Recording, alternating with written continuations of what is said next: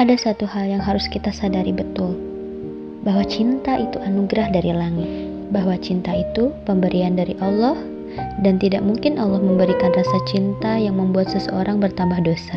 Kalau ada rasa yang bikin tidak khusus saat sholat, pasti bukan cinta. Kalau ada rasa yang menimbulkan perbuatan maksiat, pasti bukan dari Allah, tapi dari hawa nafsu. Cinta yang Allah titipkan kepada kita Cinta itu cuma sebagian dari seratus cinta yang Allah simpan di dalam surga. Cinta satu bagian itulah yang kita lihat dari cinta orang tua kita kepada anaknya. Begitupun anak kepada orang tuanya. Contoh lagi, pernah video bagaimana seorang anak mengurus ibunya di detik-detik terakhir sebelum ibunya wafat. Dia penuhi segala keinginan ibunya, menyuapi, memandikan, dan sebagainya.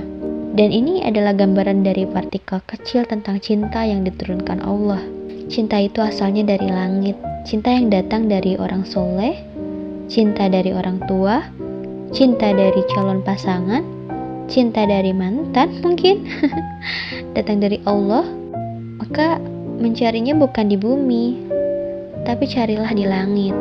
Tapi kalau cinta yang didapat dari sering posting di media sosial, pasang foto, dapatnya was-was dari setan. Cinta yang Allah titipkan Cinta itu cuma sebagian dari seratus cinta yang Allah simpan di dalam surga. Carilah cinta itu dengan sujud, mendekatkan diri kepada Allah. Allah akan mendatangkan sekian banyak orang yang mencintai. Kalau satu bagian cinta demikian dahsyatnya, bagaimana dengan 99 cinta lain di surga? Seperti apa ya? Itu akan dirasakan dari orang yang akan memasuki surga nanti.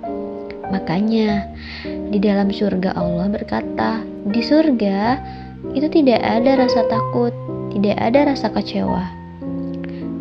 Dalam hadis Nabi, barang siapa yang mencintai karena Allah, membenci karena Allah, memberi karena Allah, dan tidak memberi karena Allah, maka sungguh telah sempurna imannya.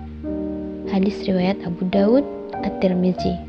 Jadi buat teman-teman yang sekarang lagi mencari cinta, Yuk, mari serahkan cinta kepada yang di langit, karena yang di bumi pun belum tentu bisa mencintaimu.